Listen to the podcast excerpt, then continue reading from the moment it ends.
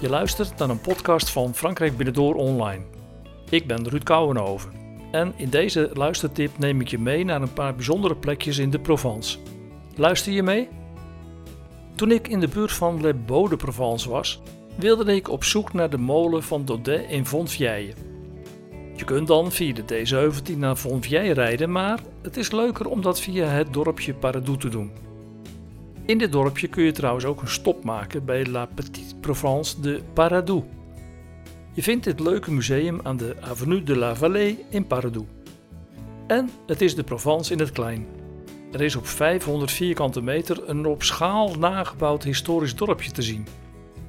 De van klei gemaakte figuren en gebouwen, die ook wel santons worden genoemd, zijn gemaakt door de beste santonniers uit Frankrijk. Alles wat je ziet is met de hand gemaakt. En alleen al de tot in het kleinste detail nagemaakte gebouwen en monumenten vergden al ruim 8000 uur werk. En het is heel leuk om te zien. Op weg naar Fontvieille kun je trouwens nog iets bijzonders ontdekken. In Paradou moet je dan in het dorp de D78E zoeken. En als je dan het dorp uitrijdt, maakt de weg op een gegeven moment een haakse bocht naar rechts en even later naar links. En dan zie je iets verderop, links en rechts van de weg, de resten van een oud-Romeins aquaduct. Probeer daar ergens de auto aan de kant te zetten en volg dan links het pad langs de resten van wat eens een aquaduct was, dat een indrukwekkende meelfabriek van de Romeinen van water voorzag. Dit is het bijzondere aquaduct et les Moulins de Barbejal. Het pad loopt uiteindelijk over in een goot die in de rots is uitgehouwen. Aan het eind stopt deze onverwacht en sta je voor een afgrond en aan de rand van een prachtige vallei. Onder je zie je dan een gladde rotswand die bezaaid ligt met stenen en fundamenten. Op deze plek hadden de Romeinen ooit een complex staan met 16 indrukwekkende watermolens, 8 aan elke kant. Die werden gebruikt om meel te malen en de inwoners van de verderop gelegen stad Arles van voedsel te voorzien. Ik vond het een imponerende plek, vooral als je ter plekke je fantasie de vrije loop laat en het water naar beneden hoort kletteren met het knarsende geluid van watermolens en ronddraaiende maalstenen. En de paarden die houten karren trokken om het gemalen graan naar Arles te brengen. Nu moest ik het echter doen met de resten van wat eens een indrukwekkend Romeins complex was. En een fantastisch uitzicht waar ooit een meelfabriek van de Romeinen stond, die op waterkracht werd aangedreven. Heel bijzonder om dat zo eens te zien. Maar van waterkracht ga ik verder op zoek naar windkracht.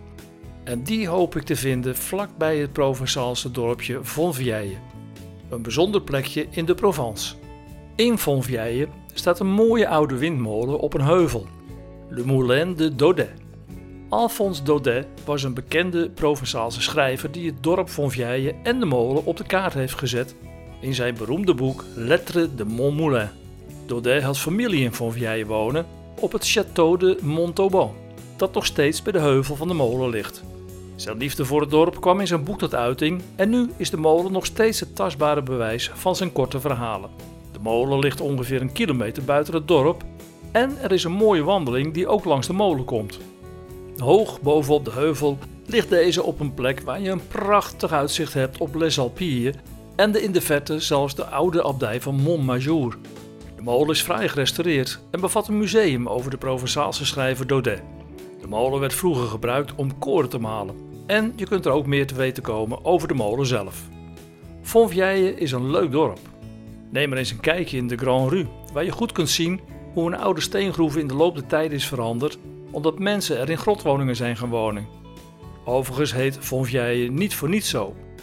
Want in het Provençaals betekent font gewoon fontein. En omdat het fontein van het dorp bij de Tour des Abbés uit de 12e eeuw stamt, heet het dorp dus Oud-Fontein, oftewel Fontvieille. Er zijn trouwens een paar goede en betaalbare restaurants in Fontvieille die alom worden gewaardeerd. Probeer maar eens een tafeltje te bemachtigen bij Le Patio's of Le Table du Meunier. Je zult er geen spijt van krijgen. Wil je zelf je maaltijd gaan maken? Dan is een goede olijfolie uit de Provence natuurlijk een must. Ook wat dat betreft heb ik een leuke tip voor je. Vlakbij Fontvieille ligt namelijk het indrukwekkende Domaine du Château Estoblo.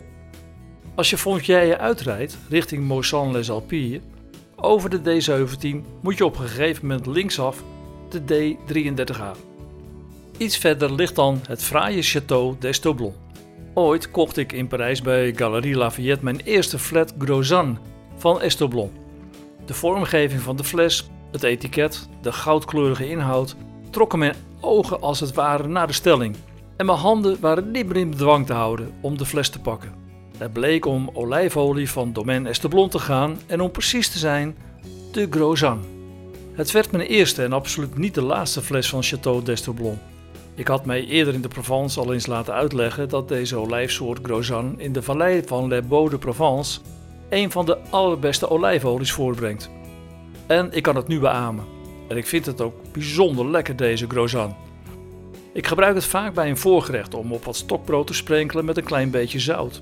Of om een overheerlijke dressing te maken voor een salade. De olie is krachtig, maar toch zacht tegelijk. En smaakt ook voortreffelijk bij pasta gerechten. Toen ik dus oog in oog stond met deze prachtige fles olie in Parijs, kon ik me niet bedwingen. Hoewel het niet goedkoop was, besloot ik toch om voor een keer maar eens gek te doen en de fles in mijn mandje te leggen. Ik heb er geen moment spijt van gehad. En heb er daarna telkens bij een bezoek in Parijs weer eentje meegenomen. Maar, net als ooit bij een fles Armagnac, kreeg ik na verloop van tijd de onbeschrijfelijke behoefte om de fabrikant op te zoeken.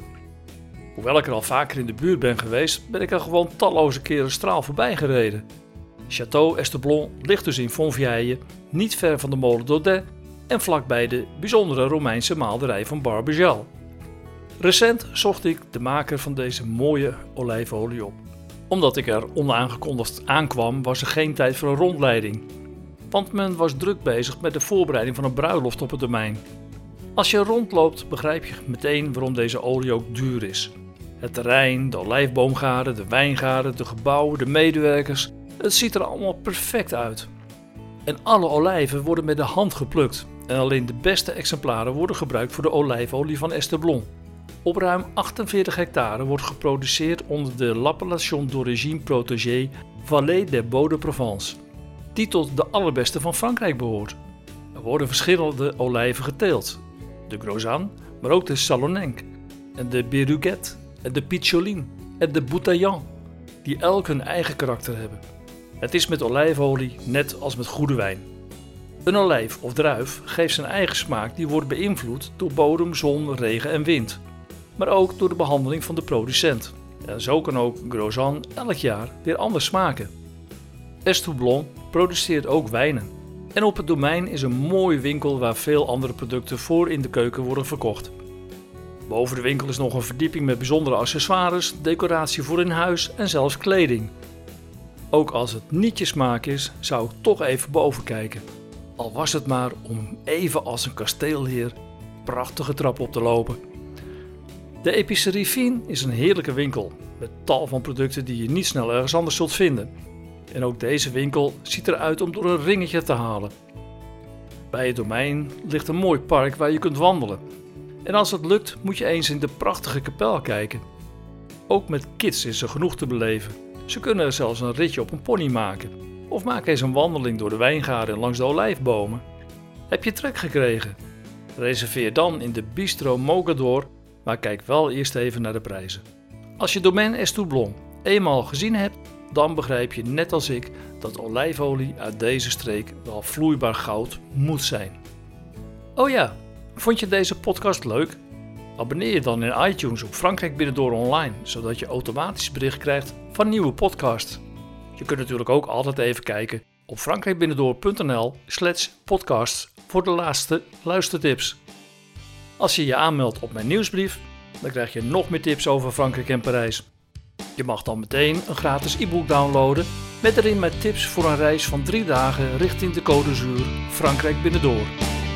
Tot mijn volgende podcast.